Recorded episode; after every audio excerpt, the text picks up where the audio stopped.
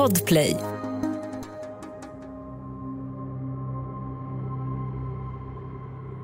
Efter slag, sparkar, knivhugg och besinningslöst våld ligger von Fersen slutligen naken, blodig och trasig på marken.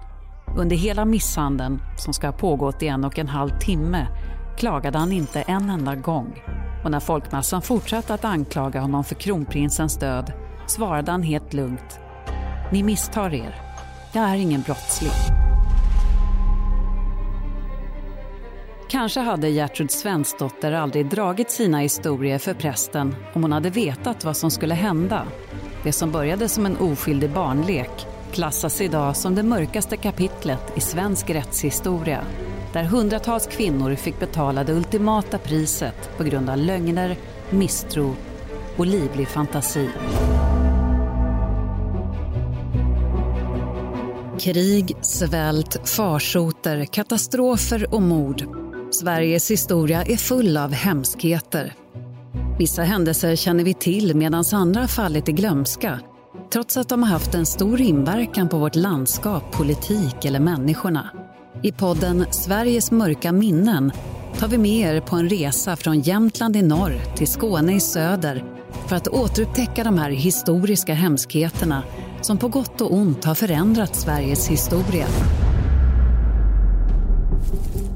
Sakta smög han sig fram, hukande från träd till träd med repet som han gjort till en snara redo i händerna.